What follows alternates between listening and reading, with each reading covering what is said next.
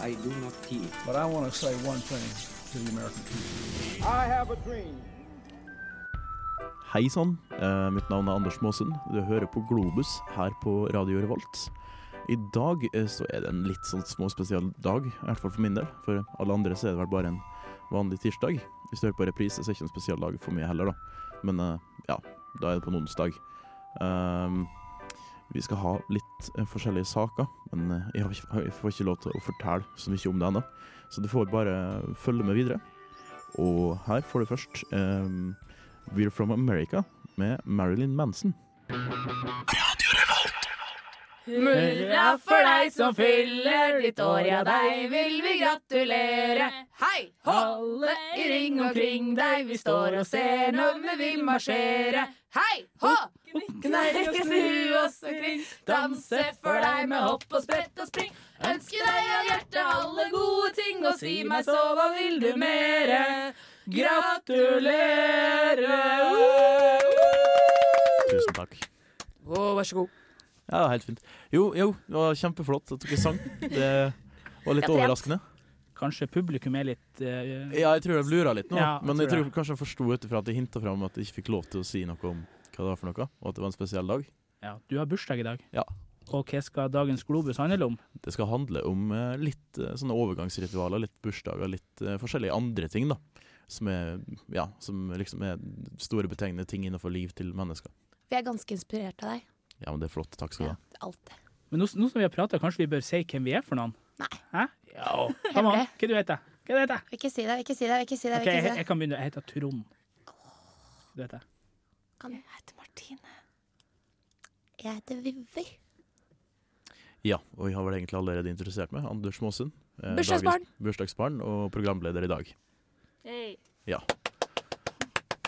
Hihi. Eh, ja, eh, vi, skal, vi må fortsette videre i sendinga.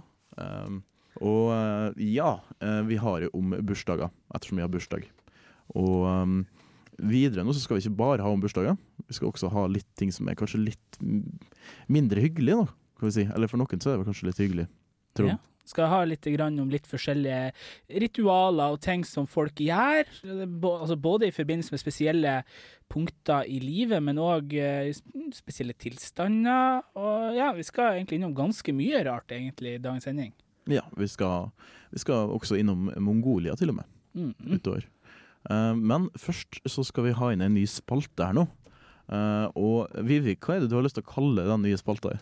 Nei, altså Jeg har som vanlig drukket altfor mye kaffe før sending, så jeg har bestemt at den skal hete Mye rart med sukker på. Det skal mye rart med sukker på. Og hva er det Diskusjonen kom. Ja, og Eh, Nei, Spalten skal da gå ut på at jeg har en ekstrem fascinasjon for ubrukelig informasjon. Mm -hmm. Jeg har til og med abonnement på Illustrert vitenskap og driver og samler de for harde livet. Og jeg har da funnet en fin måte å plage resten av Trondheims befolkning med alt dette her som jeg ikke trenger å kunne, som faktisk er det jeg husker. Det er å lage den spalten. Så da, i dag så har jeg da, fordi vi har en bursdager, så har vi gått Og det er veldig mange av de ritualene som er knyttet til bursdager, som kommer fra religion opprinnelig. Og jeg har da funnet de to som jeg offisielt for meg selv har kåret til eh, verdens dummeste religioner. Den første er faktisk en offisiell religion i Australia med 7000 troende, som heter Jedi. Jeg tror alle har sett Star Wars, så det er ganske godt dumhet. Men den som vinner, er Kan jeg få en trommefare av en eller annen? Woohoo! The Church of the Flying Spaghetti Monster.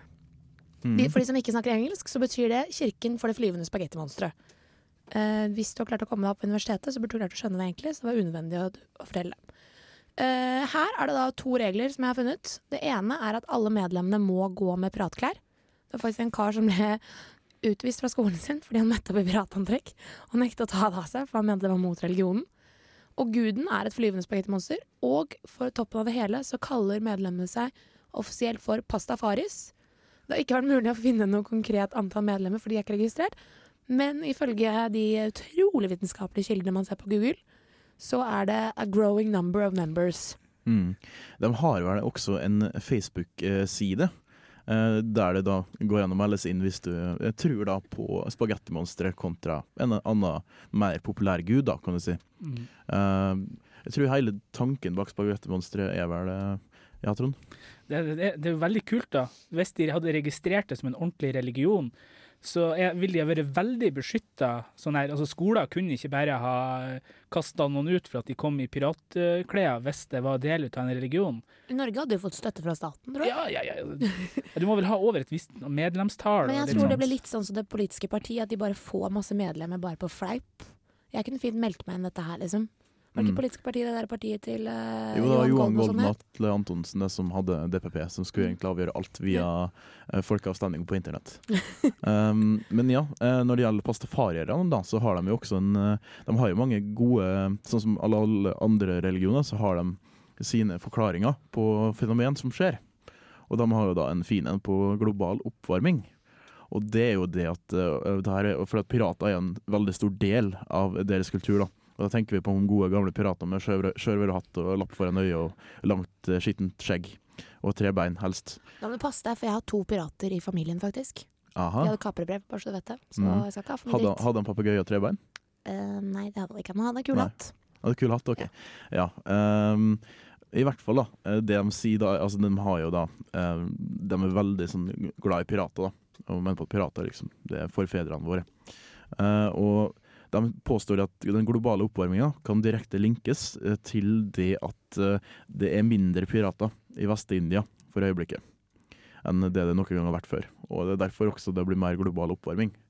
Uh, for da blir det mer CO2 i atmosfæren, og Golfstrømmen blir varmere. og litt sånne Ja, ting. men jeg syns det høres helt riktig ut. Jeg skjønner ikke hvorfor du ler litt av det. Altså? Det er færre pirater, og da er det færre som eh, sprenger kanoner. Og det er jo en anerkjent fakta at kanoner de dreper både drivhuseffekter og eh, CO2.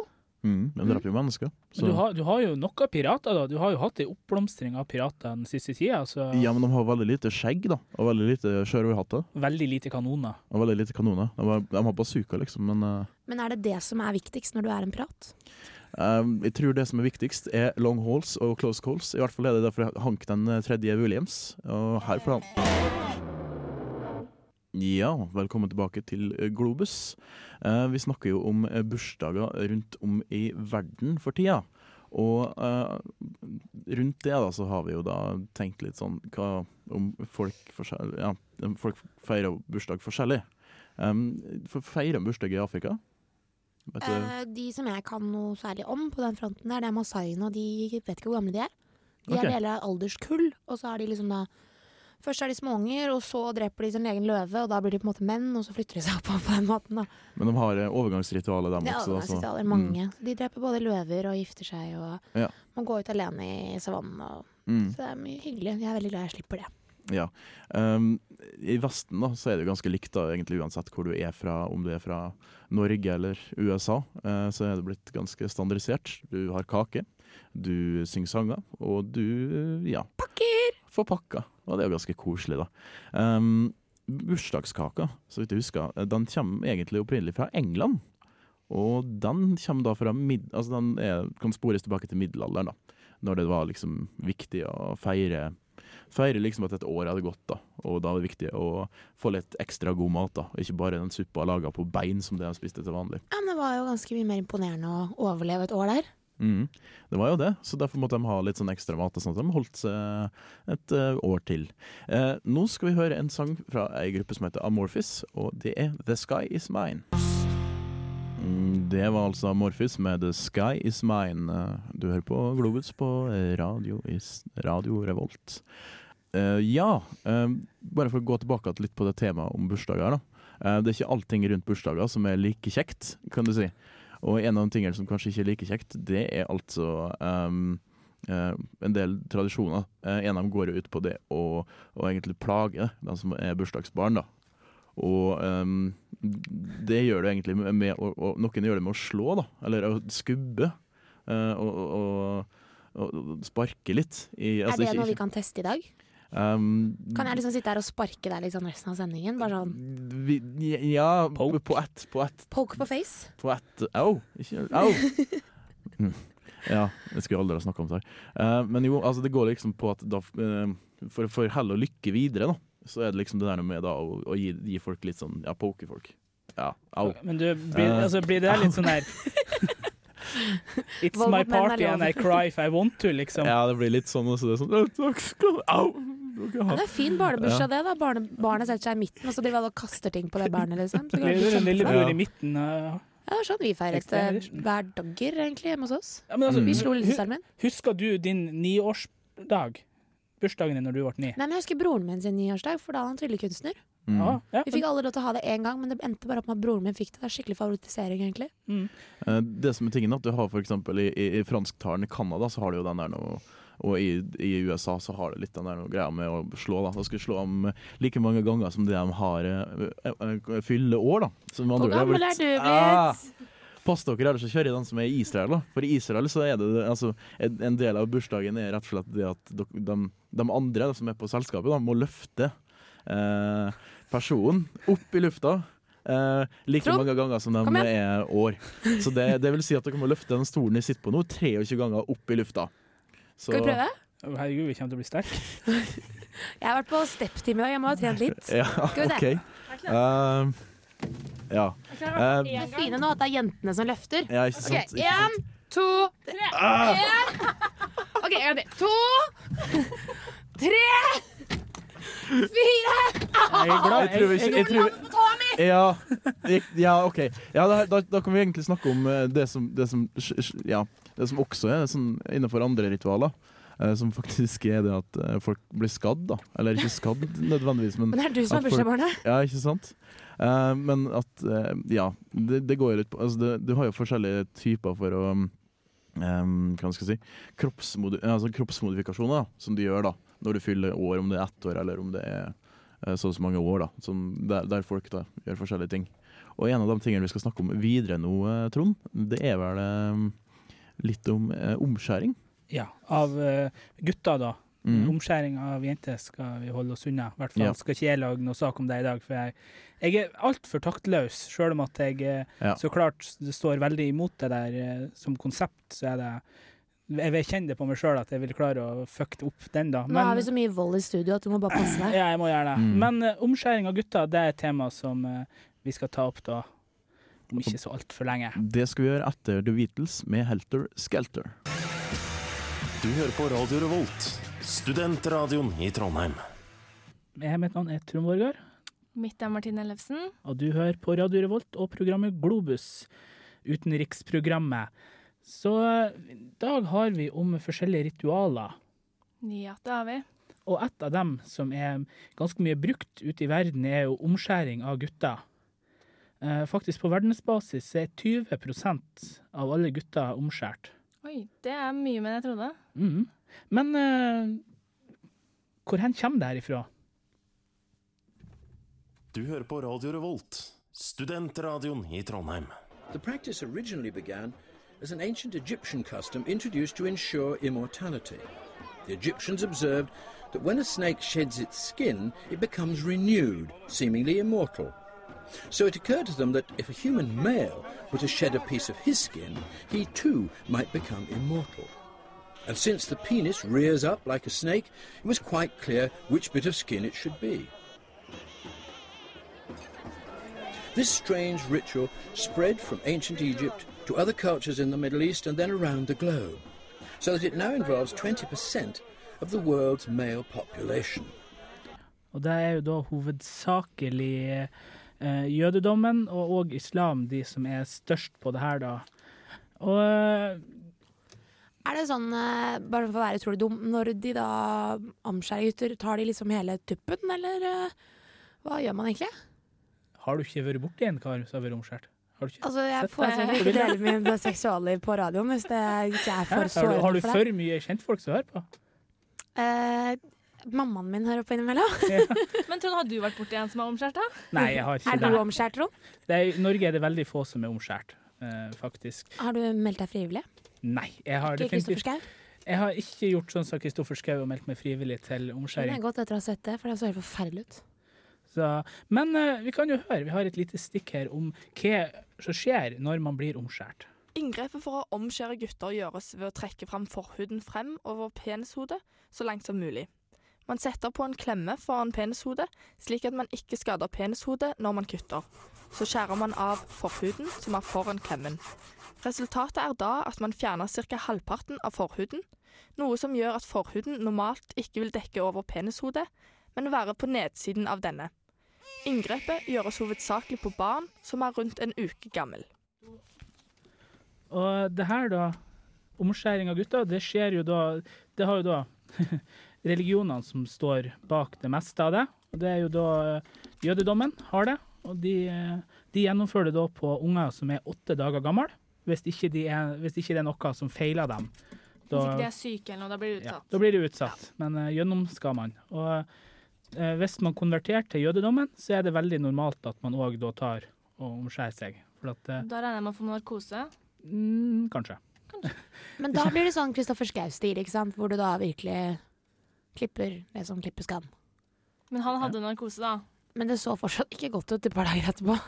Men det eh, greia der, da. Jødedommen de har du jo tilbake helt ifra Mosebøkene. Der at det var på en måte Du skal ta din penis ut og skyte den av, så skal du gå ut i ørkenen og sånt. Så Ja, De har kutt av deg ting så du blør, og så gå ut i ørkenen alene.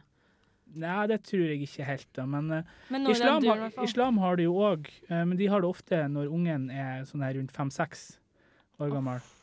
Og da er det jo på en måte òg et overgangsritual ifra det her uskylden. Altså før deg så er du uskyldig, og du er u, altså på en måte du står ikke ansvarlig for dine egne handlinger i like stor grad som det du gjør etterpå. Da er du på en måte Du står ansvarlig for å vite bedre i en god del sånne situasjoner.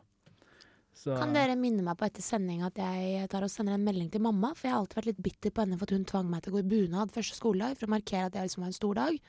Etter å ha hørt at disse seksåringene da liksom får kuttet av seg tissen, så merker jeg at jeg er ikke så sint på det lenger. Men jeg, jeg skjønner ikke helt den greia av OK, nå tar vi valget å kutte den forhuden, og da skal du begynne å ta egne beslutninger? Hva er liksom Nei, altså, det er jo rett og slett det er jo en overgangsgreie at etter det så er du stor nok til å vite at du ikke skal høre på foreldrene dine når de sier at vi skal ta en tur ut, uh, for, å, uh, ut for å møte mange andre folk. For det er jo det de gjør, de tar det i sånne store samlinger, da. Med, altså der det er mange unger som er det samtidig, og så har de på en måte en lege med skalpell, og så på en måte bare én unge skrik, Samlebånd. unge Samlebånd, ja. Ja. Med all familie og greier. herlig, da? Mm. Det er jo sånn, I islam så er det jo sånn, da. Um, når det blir uh, I jødedommen, da, så har du jo da Ungene er jo så små, så da er det jo på en måte en privat greie. Ja, Men kan jeg stille et spørsmål? Ja. Um, hvis du da er 35 år gammel og bestemmer deg for å bli jøde, um, så måtte du jo da ta, om, bli omskjært. Er det sånn at du liksom da har både bestemor og mamsen og tanter og onkler og det som er, så du får se tissetassen din da, eller er det på en måte et laken i veien? Jeg tror det er Du har et laken i veien, ja. Ja, det er hyggelig. Veldig Jeg greit håper for meg. Men vi skal ta og høre litt grann musikk. Vi skal høre 'I kveld er vi kunger'.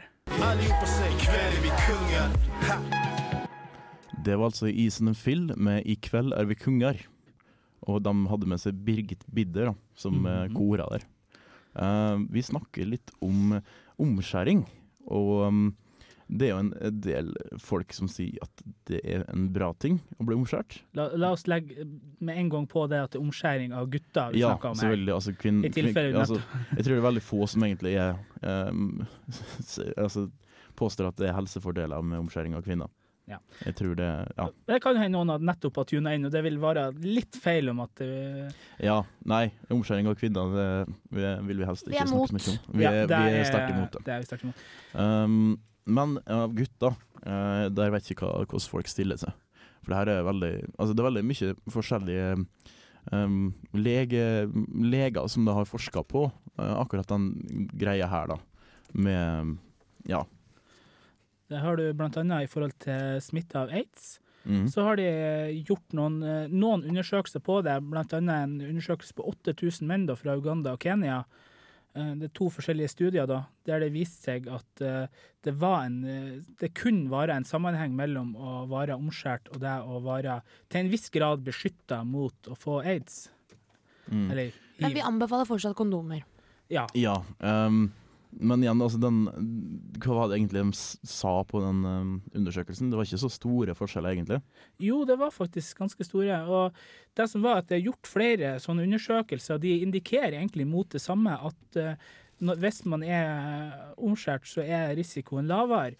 Men eh, det som er at de her undersøkelsene har blitt gjort, har blitt trykket tilbake igjen eh, med en gang de har blitt utlevert. Sånn at det er tydelig at det er ganske Folk er ganske usikre på, om at, på de her funnene her. Uh, det, det høres jo litt for godt ut til å være sant. Det høres nesten litt ut som sånn ha sex med jomfru, så blir du kvitt aidsen din-aktig ut. Ja, altså, det, det virker som en litt enkel løsning, da, å klippe av seg en, en flik av sin forhud for å unngå å få aids. Men uh, det som da var, det var titlene uh, i avisen på den tida, det var jo 2006 at det her først kom, da. Det var jo det at ah, man kunne ha en reduksjon til opptil 50% i risiko. Å, fytti pokker. Det er ganske mye. Det er mye. Eh, så klart, Risikoen for å Hvis man da f.eks. bruker kondom, er jo enda høyere, men eh, Men så kommer jo alle feilkildene i, i, tillegg, da. Mm, så altså, klart. Men eh, det er jo absolutt morsomme, eller interessante, er kanskje bedre ord, tall. Ja. Men, jo, altså, men, da har du jo enkelte deler av verden så kan omskjæring eh, kanskje være et lurt grep. Kanskje eh, for å bekjempe. Men så har du jo da i den vestlige verden har vi noen eh, gode grunner til å faktisk drive med omskjæring. Oh, oh, jeg har en, jeg har en! Okay. Uh, på Sex og singelliv så sier Charlotte at uh, de ser så rare ut uten. Ja. Det er kanskje ikke så vitenskapelig, men Nei, det, det, det, er faktisk en uh, grunn som er mye brukt, rett og slett. At ja, men det, de andre har jo det. Det er vanesak. Smaken mm. er som bakken. Men, men hele det med estetikken rundt penis, da. Mm. Altså, den er jo ikke noe pen uansett, til tross for navnet. Um, like, syns ikke du at penisen din er pen? Egentlig ikke. Ha, ha, ha, den var ikke bra. syns, syns du din da? Hæ? Nei, jeg vet ikke om du har sett den eller ikke. Jeg, har ikke, jeg, har ikke, jeg, jeg, jeg er helt sikker på at dere begge to har sett ganske mange guttetisser. For jeg vet at jeg har sett ganske mye jentepupper i sånn offentlige dusjer og sånn. Mm. Ja, ja, men uh, eh, jeg har jo liksom Jeg har sett veldig mange pene par med pupper, da. Men ikke så veldig mange pene peniser. Men tror du det kan være en uh, indikasjon på at du kanskje er heterofil?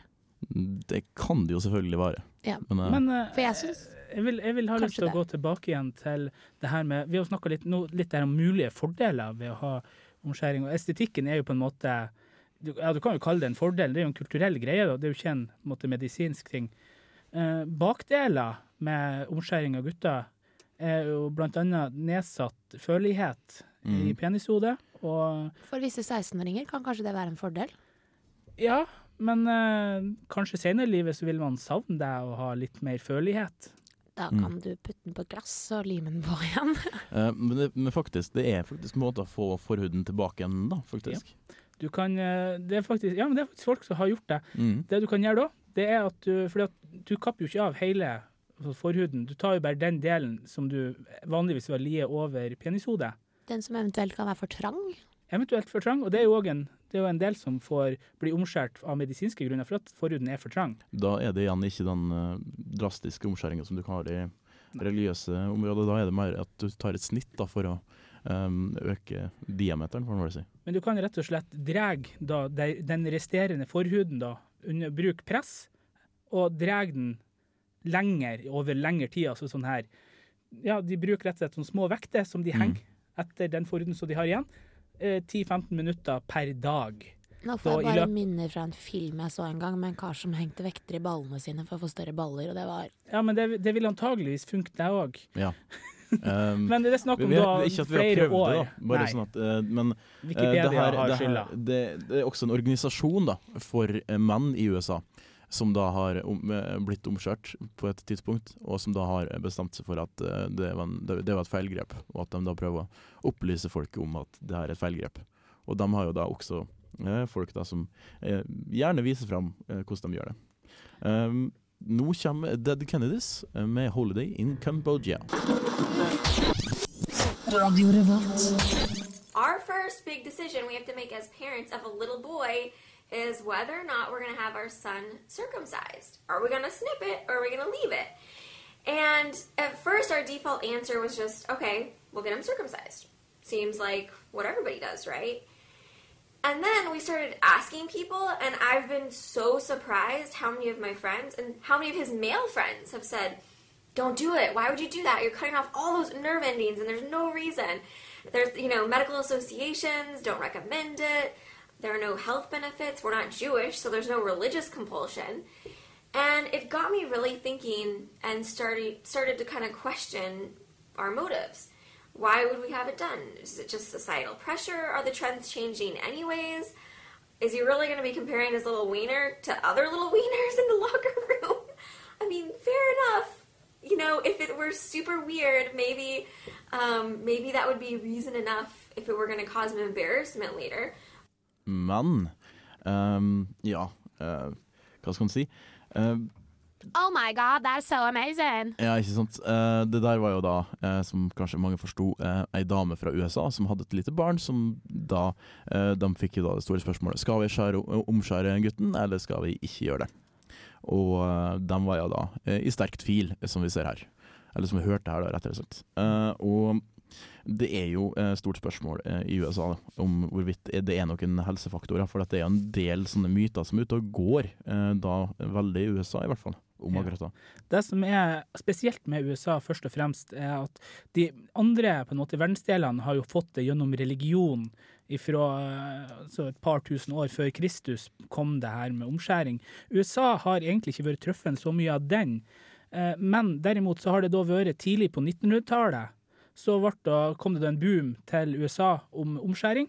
Det kom faktisk fra England, fordi at det da skulle hindre at eh, guttene tok så mye på seg sjøl. Altså Med å gjøre det Ja. mer sårt, så Nei, altså, jeg, jeg tror ikke det er sårt da, men liksom det, det var rett og slett noen smarte folk som mente at hvis man tar forhuden på guttene, så er det ikke så digg å nappe i løken.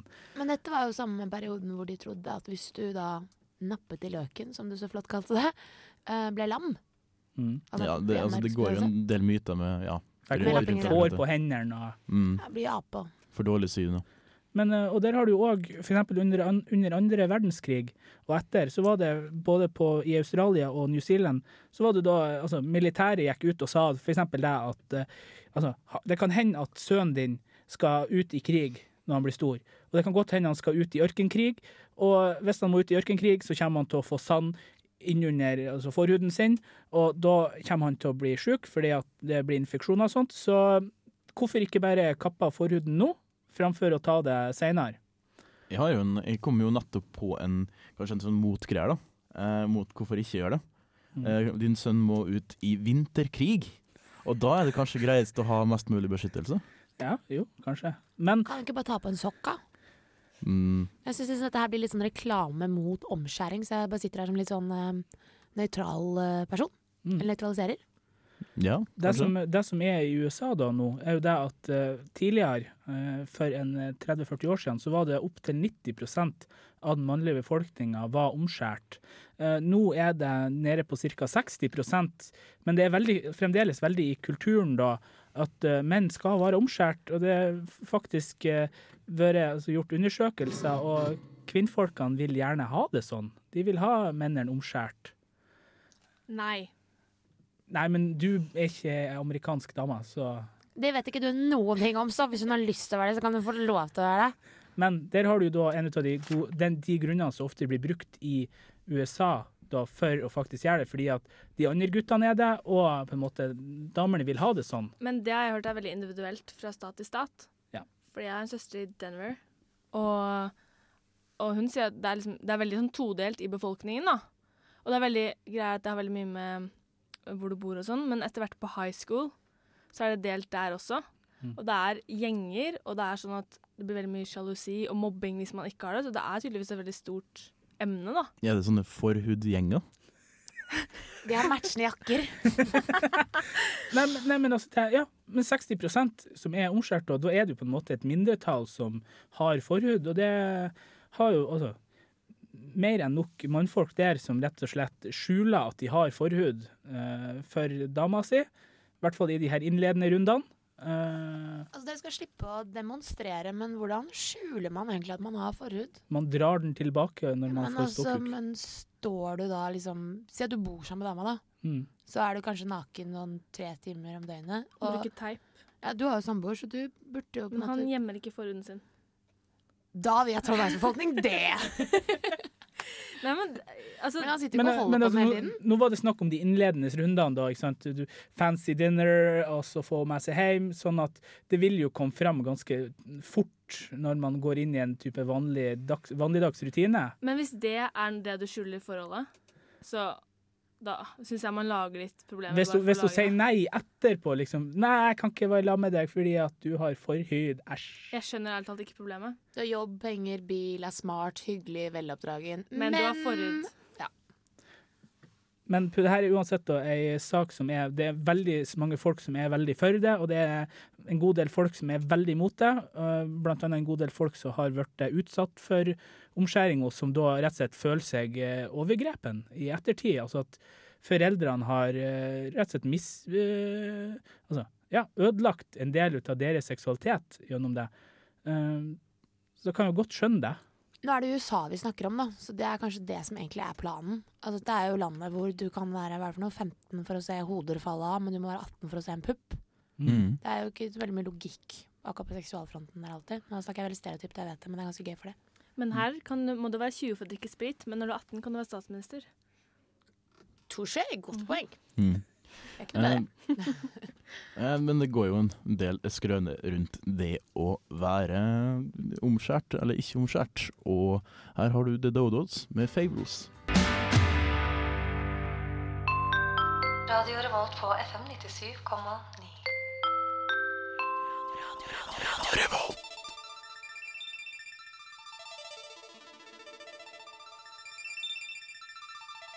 Ja, der har du altså gode gamle Madonna eh, med 'Lucky Star'. Eh, og det er jo litt artig at vi snakker om Madonna. Eh, for at vi skal jo holde oss til litt eh, England, skråstrek USA. Og um, ja, for at eh, kvinner, da, jeg sier ikke at Madonna nødvendigvis har gjort det, eh, men kvinner i USA har jo Veldig mange av dem har jo tatt plastiske operasjoner. Ja, det er de verdensmestere på. Mm. Det er Number one. De er nummer én på det. Mm. Det er en, og det er fortsatt en økning på 8% hvert år som faktisk tar det. Og 2% av alle i USA som tar plastiske operasjoner, de er mellom 13 og 19 år. Så det er mye rart ute og går. Um, altså, hva, hva er grunnen til at det er så veldig mange som må ta plastiske operasjoner i USA, da? Kanskje de er skikkelig stygge. Mm. Ja, det er faktisk eh, alle de Det er en del doktorer som har skrevet bøker og avhandlinger om det her. Og de sier at det er mm, skyldes media. Hva Folk har penger og keen på å bruke de på det. Ja, og det er, folk har blitt opptatt av hvordan de, å se unge ut. Det var forskjellen forsiden i Aftenposten, tror jeg, nå for en stund tilbake, og masse menn som har begynt å operere seg for å kunne konkurrere bedre på arbeidsmarkedet. Veldig mange menn som får innlagt falske brystmuskler, faktisk. Jeg trodde rumpeimplantater i buksa holdt, Ja. Det er det, men ingen i Norge ennå som har fått det innlagt. da. Så Rumpeimplantater? ingen menn. Hvor, mange, hvor mange er det egentlig i Norge sånn, i forhold til USA, da, som uh... Hvis jeg nå har jeg statistikken på, hvert fall på barn og unge. mm, Så er det 225 000 årlig i USA som er mellom 13 og 19 år. Okay. I Norge så var det i 2008 så var det 39 stykker, og alle hadde medisinske grunner til det. Ok, Men i USA så er det altså 2 da, som er mellom 13 og 19, Ja. og det er 225 000 Ja. mennesker. Det er jo ganske, det er ganske alvorlige tall, da. Ja, spesielt med tanke på at det er folk som får det i konfirmasjonsgave.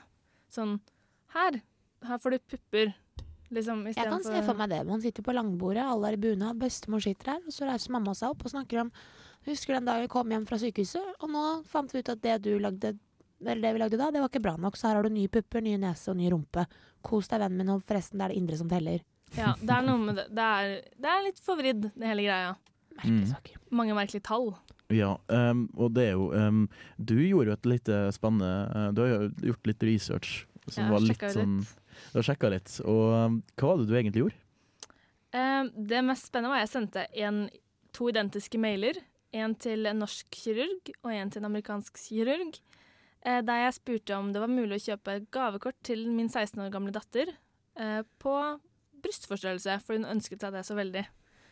Um, og jeg fikk, av den norske kirurgen fikk jeg veldig strengt nei, og hva er galt med deg? Mail. Mekkamor. Ja, veldig. Mens den amerikanske kirurgen var egentlig mer sånn Ja, det skal vi fikse, og bare kom innom, og så snakker vi om datteren din, og Men trengte hun ikke da noen masse psykologer som kom og sa De hadde en egen psykolog som fiksa det her. Mm. Og det kunne hun gjøre sånn i ett med operasjonen, da. Sånn Så en Alt kar står med kniven, og en kar står med blyanten, og så er de klare mens de Ja, litt sånn faktisk. Så de har tydeligvis en god ordning på det, da. Ja, altså, Effektivitet. eh, hvor nøytrale er egentlig sa psykologene der, da? Eh, Det har jo vært, det har jo vært litt forskjellige, litt sånn skumle tall da, på hvor unge faktisk eh, de yngste er, når de begynner å få operasjoner som f.eks. Bryst, eh, bryststørrelser. Ja, det er nede i tolvårsalderen nå. Jeg husker nok ikke noe sånn ordentlig statistikk på det, men jeg ble kjent med noen jenter fra Brasil. De var veldig overklasse-Brasil. Og de var sånn for eksempel at de snakket om at eh, nei, nå hadde de vært i Frankrike en stund, og det hadde vært litt mye ost og McDonald's og sånn, så når de kom hjem, så, så syntes de at nå skulle de ta litt fettsuging. For nå har det vært litt lenge siden sist, det var liksom et halvt år siden eller noe sånt, og det var helt vanlig. Helt Mm. Begge hadde puppejobb, holdt jeg på å si, og neser, og hun ene hadde rumpeimplantater, og det var liksom ikke grenser på veldig. De så veldig bra ut, da, for de hadde klart å gjøre det på en sånn tullingmåte, men det var liksom litt merkelig måte. Men det er, det, det er jo ikke noe igjen av deg lenger, liksom. Plastikk. Ja. Og Mm. Brasil er jo den nye Der hvor alle drar og gjør det nå, da. Oh, ja. Mm. Så det sier jeg også i, i reportasjen, at det er den nye plastis, plastikkhovedstaden i verden. Mm, og Ja. den får vi høre mer om nå. Mange tror kanskje at dette med plastisk kirurgi er et moderne fenomen. Noe som plutselig skjøt fart på 80-90-tallet. Men der tar dere skammelig feil. I India har man brukt kosmetisk kirurgi i mer enn 4000 år. Også romerne og egypterne utviklet enkle teknikker for å f.eks. transplantere hud. Allikevel har man ikke begynt å bruke denne typen kirurgi for å forbedre eget utseende før i vårt århundre. Det er ikke ukjent at kvinner verden over bruker kirurgi som en ungdomskilde, og det blir bare mer og mer populært. I 2007 valgte 11,7 millioner amerikanere å gå under kniven. 2% av disse var mellom 13 og 19 år.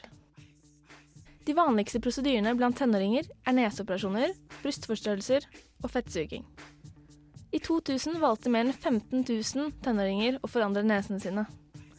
Og selv om jenter står for 90% av alle plastiske operasjoner, er ikke gutter helt fredet for fenomenet. Rundt 2200 unge menn forandret på brystene sine i 2000. Antall unge under 18 år som undergår plastisk kirurgi, har steget fra 60 000 i 1997 til rundt 225 000 i 2005. Og du kan jo gjette hvor det er vanligst. Jo da, i USA er det slettes ikke rart å gi bort en brystforstørrelse eller en neseoperasjon i gave til barna sine når de oppnår noe så stort som å komme inn på en god skole, eller rett og slett når de konfirmerer seg. 13 år gamle Emily for eksempel, ble mobbet på skolen fordi hun hadde stor nese. Plutselig besluttet foreldrene hennes at de syntes det var så fælt at eh, Emily faktisk fortjente å få nesen sin forandret over sommeren. Men det er faktisk ikke bare i USA at jenter får kosmetisk forandrende gaver. I Brasil, som av mange leger omtales som den nye plastiske hovedstaden, er retting på kroppen ved hjelp av skalpell vanlig. Spesielt blant særs unge missekonkurransedeltakere.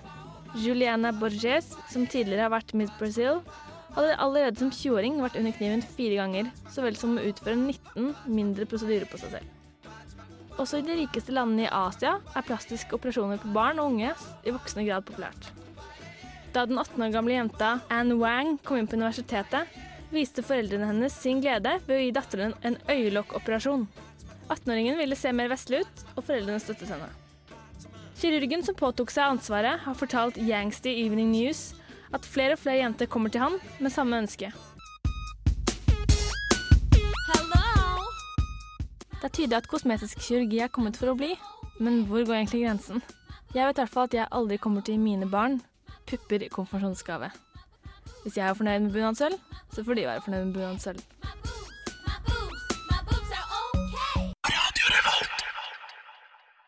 Eh, Vi snakka om plastisk kirurgi.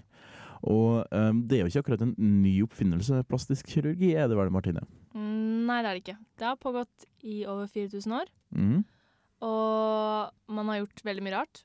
Um, som vår tekniker påpekte, så har de putta stearin, brukte jeg som implantat, og hatt noen uheldige Mm. ting har skjedd. Um, og, men det har først slått an etter 1917, da man hadde første vellykkede hudtransplantasjon Mhm.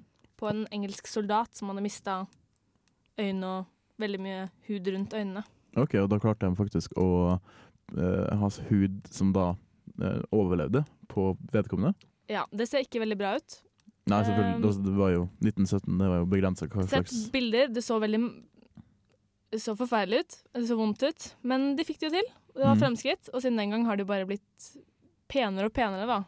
Ja. Hvis du skal se noe skikkelig gøy, så skal du ta og gå inn på TV Norge. Og så skal du gå på de der, den der serien de har hvor de er sånn freakshows som viser seg frem. Og da var det en dame som hadde fylt opp hele puppen med uh, tofu.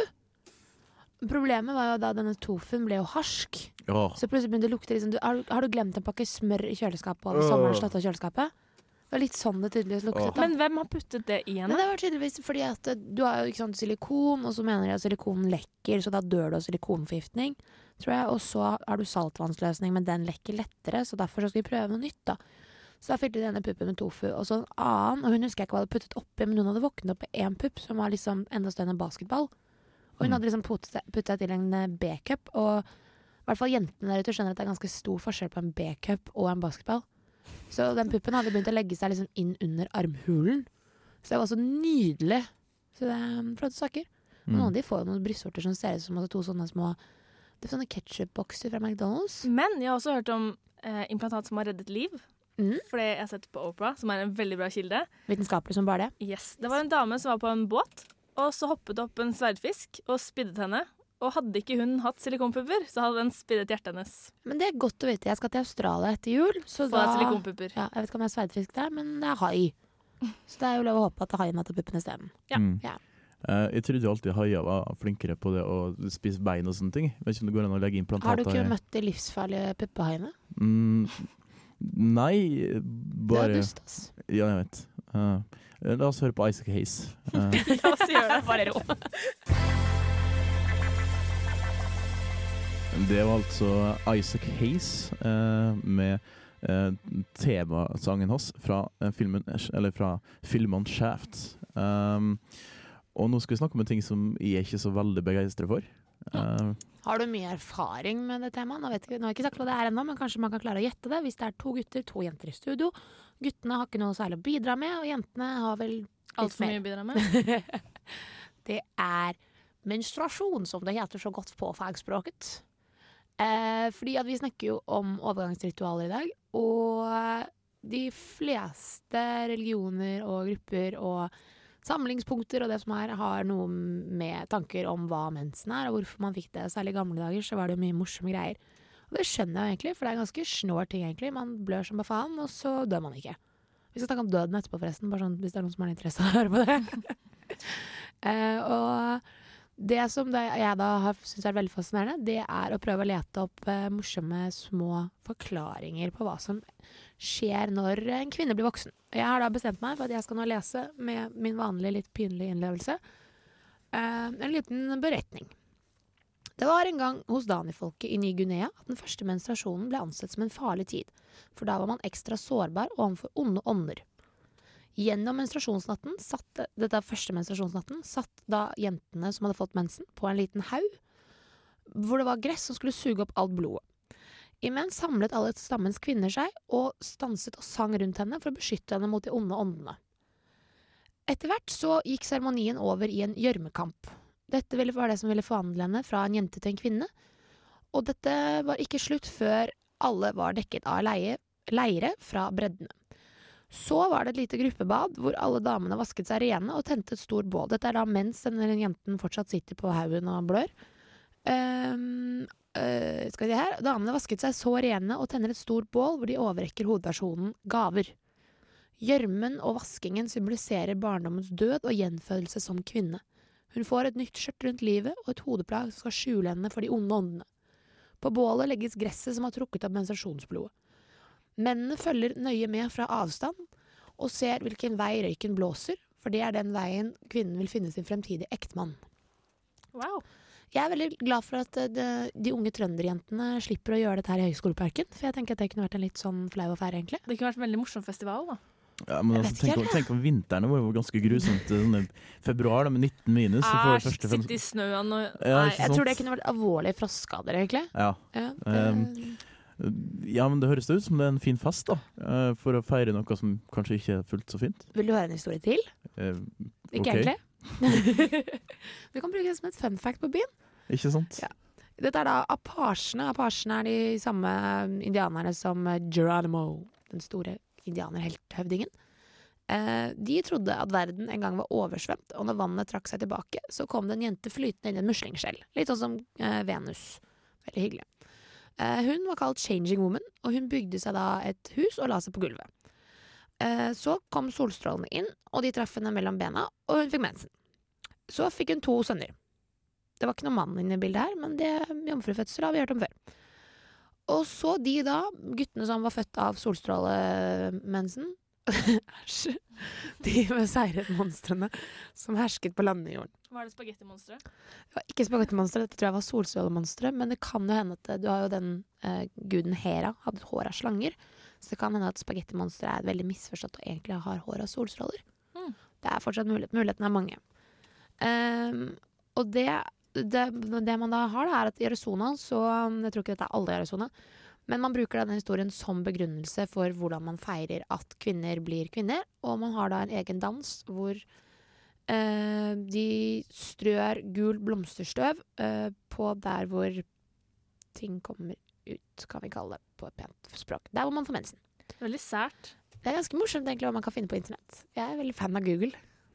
Uh, ja, jeg merker at jeg er veldig takknemlig for at vi ikke har det sånn i Norge. Jeg er veldig takknemlig for at vi sitter og slipper å sitte ute i 30 minus. Eller få noen oppmerksomhet rundt i det hele tatt, egentlig. Ja, det jeg kan egentlig være ganske fan av det. Kunne dere tenkt dere å sitte med rumpa bar og hatt en haug med mannfolk som danset rundt dere for å feire at dere hadde fått deres første um, ja, Nå, nå er spent. Nå er vi spent. um, Vi bare sier det første, første nesehår, så kan vi kalle dette her litt PG-14. Ehm, det hadde vært litt av en fest hvis folk skulle danse rundt. Hey, nesehår! Hey! Um, Du skulle jo tro at en del litt eldre menn faktisk nesten hadde en fest oppi der, da. ja, ikke sant? Uh. Eh, jeg tror i hvert fall at uh, hvis det hadde vært en fest der gutta hadde dansa rundt andre gutter fordi at de hadde begynt å få nesehår, så hadde de spilt Dead Press med Don't Hate My Grind. WRBG People's Radio. Turn off the radio. Turn off that bullshit. Dead Press der altså, med Don't Hate My Grind. Yes. Nå skal vi snakke om eh, eh, Apropos dead, eh, nå skal vi snakke litt om døden. Ja, og da kom jeg. Da kommer du, vet du, Trond. Ja. Du er jo vår, ja, du er vår egen vesle, eh, kappekledde mann med jo. Det er jo, når det gjelder døden, så er det jo veldig mange ritualer man har i forbindelse med at man dør. Mm. Du har jo eksempel sånn som eh, vikingene, som, eh, der du har alt ifra å bli lagt i haug eh, til å bli brent med båt og trell og våpen og alt. Det er mange varianter hvis vi ser i Norge. Utlandet har du òg veldig mye varianter. Da har du eksempel i Tibet, så har de da hatt en tradisjon da, som da heter sky burial, der man da tar eh, liket av den som er død, deler det opp i litt mindre deler, og så legge det opp på fjelltopp, sånn at uh, dyr og vær kan på en måte ta seg av det her da. Ja, på Jeg har mest sats for kremering, da. Mm. Men det er jo en måte å, å, å da komme eh, tilbake til naturen på, da. Gjennom det å bli f.eks. spist av grib gribber. Og det som er da, det her er jo en gammel eh, tradisjon da fra Tibet. Eh, på 1960-tallet så ble det gjort ulovlig da av Kina, men eh, de har gjort det lovlig igjen nå etter 1980. Så det var 20 år da det der ikke var lov i det hele tatt, så da var det jo en del sånn her ulovligheter med det, at det ble gjort allikevel. Men det gikk veldig mye ned. Nå så er det på tur opp igjen da, den tradisjonen da. Jeg ser absolutt logikken i litt sånn buddhistisk tankegang. Det er bare tanken på å liksom skulle stå og amputere farfar i småbiter som skurrer litt. Du har noen andre varianter òg i den samme altså For at på en måte bare grovdel det var jo én metode, men du har òg eksempler på at de altså, fjerna alt kjøtt og la det ut, og så tok de beina og knuste dem eh, da for å få det til. Eller så kunne de da bare ta og knuse alt sammen til bare sånn mors, og så legge det ut, da. Så det Ja, nei, altså I Norge så brenner vi jo dem på for harde liv, holdt jeg på å si, og kremerer de, så det Eller legger dem i eh, kiste, som, som de er nødt til å ligge da i masser av år. Ligge der og råtne. Ja. Mm. Meitemerkfôr. Ja. Hyggelig. Og Egypterne de drev jo og dro ut alle de forskjellige kroppsdelene, både lever og øyne og det som var, puttet det på forskjellige flasker. Hjerte. Og så hjertet. viktig. Også viktig. Og så bal bal balsa balsamerte de. Eh, men de trodde jo at uh, ak akkurat som grekerne trodde, at uh, den liksom, stand som kroppen din var i når den døde, eksempel hvis du hadde vært blind, da, så måtte du fortsette å være i den gamle Eller altså i da, himmelen, blind også. Så en måte å være skikkelig jævlig mot sine fiender, var jo da for eksempel å kutte av de hodet. For da måtte du være resten av evigheten uten hodet. Det tror jeg ikke er så gøy. En hodeløs evighet. Eller, men spørsmålet er, vil man være hodeløs eller kroppløs? Spørs vel hvilken del som kommer frem. Mm. Mm. Uh, men muslimer, da, de har jo en, en litt annen eh, tro på uh, dø, altså hvordan det fungerer rundt døden. da. Uh, for de tror jo det at ja, Um, at det er sjefen sjøl som egentlig bestemmer hvor lenge folk skal leve. Og de har jo, der har de egentlig noe som er litt skummelt, men litt fint òg. De har altså to engler da, som passer på det hele tida. Eh, og de skriver ned, de har hvert sin digre ru- rull, da, der de skriver ned den ene skriver ned det som det har gjort som er fint og flott, og den andre skriver ned det som er ikke fullt så fint. Det er liksom så Donald, det. Når han liksom skal velge om han skal gjøre det riktig eller det er slemme, så kommer de så små Donaldene på skuldrene. Mm. Ja, det blir litt det samme. Liksom. Du har liksom noen går, men her er liksom at her sier de ingenting. Bare OK, OK, -hmm, du spiste en sjokolade for mye? OK. Eller jeg vet ikke om det er sånn det fungerer, da, men Skal man stå til Eh, doms, da? Men eh, det ja. som er da i sånn, I hvert fall sånn som vi har fått det med oss, da, er jo det at uh, innenfor den muslimske tro så er det ikke på en måte gitt at, man, at sjela på en måte skal overleve Nei. den her dommen, da. Mens du har jo i den kristne, så vil jo på en måte sjela er jo eh, udødelig. Men Frem den, til dommenes dag, da, så vidt jeg Ja. skjønner. Da skal ja. Jeg tror det er det at når du er i dommenes dag, så skal No, Gud ja, noen, noen vil bestemme. Ja. Og så er det det eksempel hvis du ikke er døpt. Småbarn som ikke er døpt, skal jo holde luk til helvete. Og så har du da altså eh, Dantes Inferno. Altså det var jo bygget på katolske tanker, og det var jo ikke akkurat noe spesielt hyggelig sted, det heller.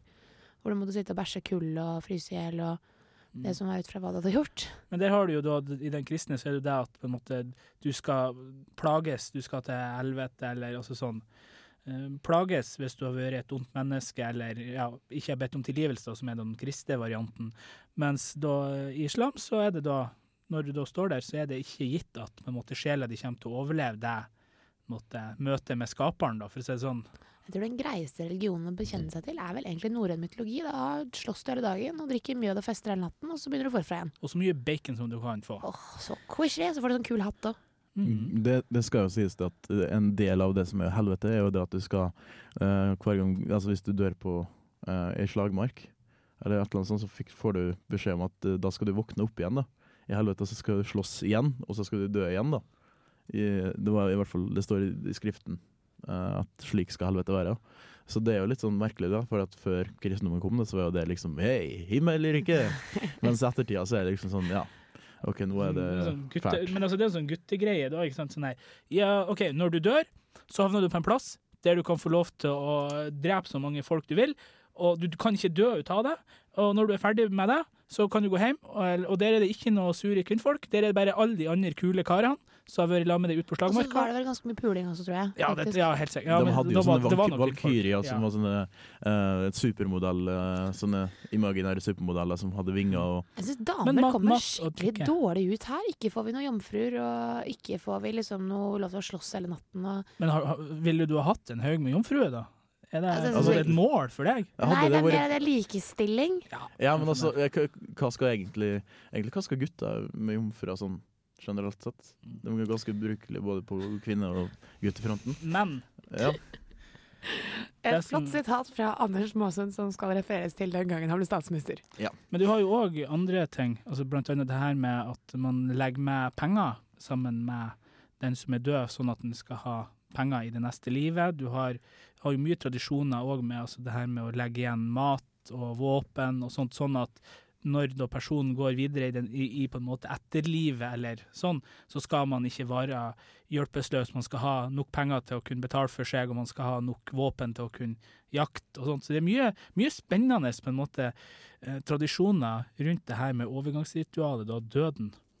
Mm. Det er jo også tradisjon for seremonielle drakter som viste hvilken status du hadde i en del urbefolkninger, sånn at du skal beholde statusen din i den neste verden. Veit du om det er noen som hadde oransje klær, f.eks.? Nei, så mye kan jeg ikke om det. Men uh, Discovery de har i hvert fall en orange shirt. Orange Shirt der, altså. Det var fra Discovery.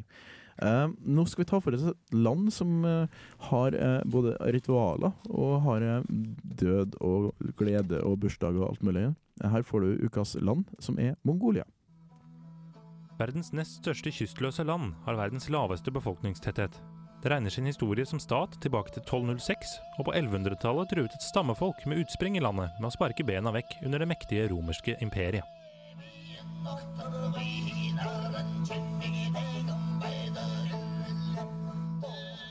Landet er Mongolia.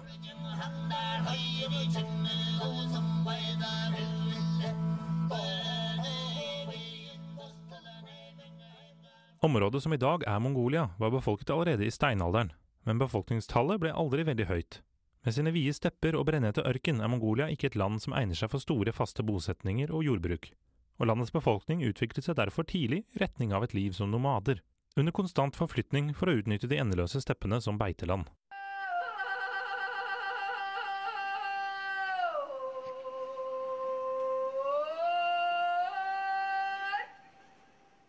Opphavet til dagens mongolske stat ligger i 1100-tallet, da en slags føderasjon av stammer kjent som mongoler kom til makten i landet. Det første århundret var imidlertid svært ustabilt, og herskerne falt som fluer for snikmordere, giftdrap og kupp. Først i 1189 oppnådde man en mer solid stat, da Djengis Khan ble kronet til hersker over de største mongolske stammene. Og innen 1206 hadde han overtalt eller tvunget alle de mongolske stammene til å akseptere han som hersker. Det er fra dette året dagens Mongolia regner sin statsdannelse.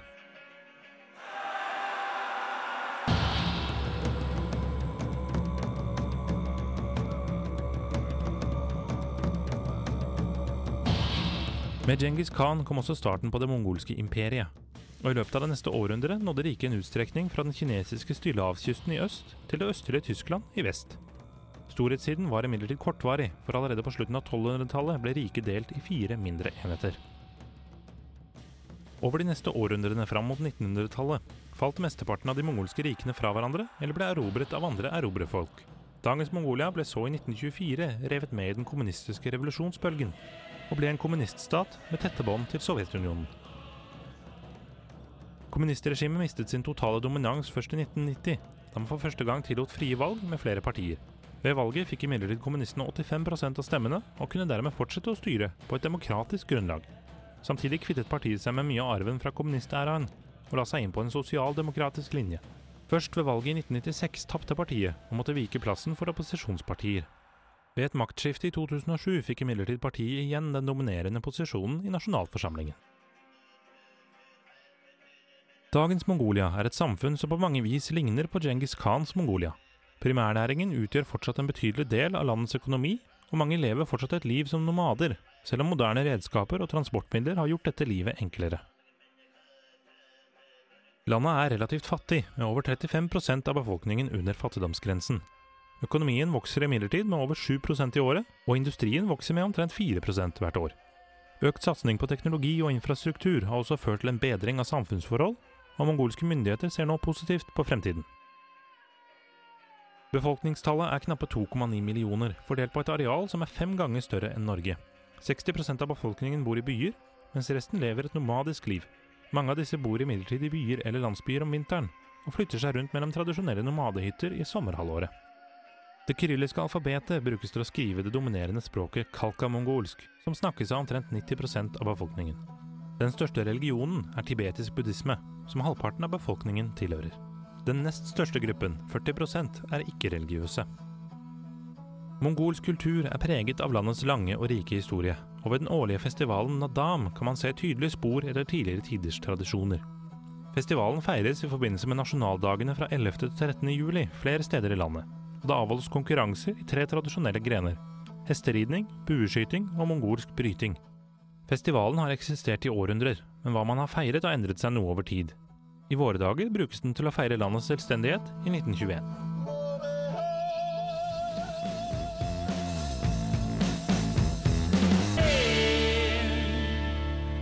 Crying Lightning fra The Arctic Monkeys. De begynte jo når de var ganske unge, men uh, nå begynner de å bli en, en par og tjue, tror jeg. Um, ja, nå er vi nærmer vi oss slutten her i Globus. I dag så har det jo hatt vi har hatt en sending som tar for seg overgangsritualet. Det har vært en slags bursdagssending for meg. Jeg har fått 23 nye blåflekker på overarmen. Takk skal du ha, Martine. Vær så god, Anders. Uh, og jeg har blitt løfta på en stol, da. Litt sånne ting. Vi har jo også snakket om mensen. Det er viktig å snakke om mensen Ja. på bursdagen din. Eh, Ikke sant? Uh, mensen har vi snakka om, og døden har vi snakka om. Det var en veldig fin bursdags, uh, bursdagssending. Hurra for deg! Takk. Men men vi, ja, vi skulle gjerne hatt kake og sånne ting også, men vi har ikke lov til å spise her. Så det, Det er derfor du ikke har fått kake av oss. mm. Jeg skal kjøpe burger. Bursdagsburger, takk skal du ha. Til meg selv. Å, ja. Å, så hyggelig. Å, ja. Skal kanskje få en liten bit. Ja. Um, ja, i dag så har vi um, hatt eh, Martin eh, Larsen som uh, tekniker. Uh, med meg i studio har Martine Faste Ellefsen vært. Uh, det samme har Trond Bårgård. Det har også Vivi Ringnes. Jeg heter Anders Måsund. Um, du, du har hørt på Globus, forhåpentligvis, hvis du ikke nettopp har skrudd på. Da har du akkurat bomma. Uh, da kan du høre på oss enten i reprise hvis, på onsdag eh, mellom klokka tolv og klokka to. Og hvis det, ikke, hvis det er den du nettopp har tuna inn til, da, så kan du høre en ny sending fra oss uh, da på tirsdag mellom klokka eh, fem og klokka sju på ettermiddagen. Um, ja um, Hva mer skal man egentlig si? Eh, du kan Neste sende uke skal vi snakke om finanskrise. Det skal vi gjøre, vet du. Der kom den. Jeg hadde helt glemt. finanskrise. Veldig du trenger meg. Du blir Ja. så gammel. Jeg vet, jeg, men eh, det går bare Nei, for han husker børskrakket i 29, vet du. Pluss Ja, at han har bursdag etter meg. Ja. Eh, du må sende en mail til oss på globus.radiorevolt.no hvis det er noe du vil ha. Og her får du et ass-jack med Redneck Bride.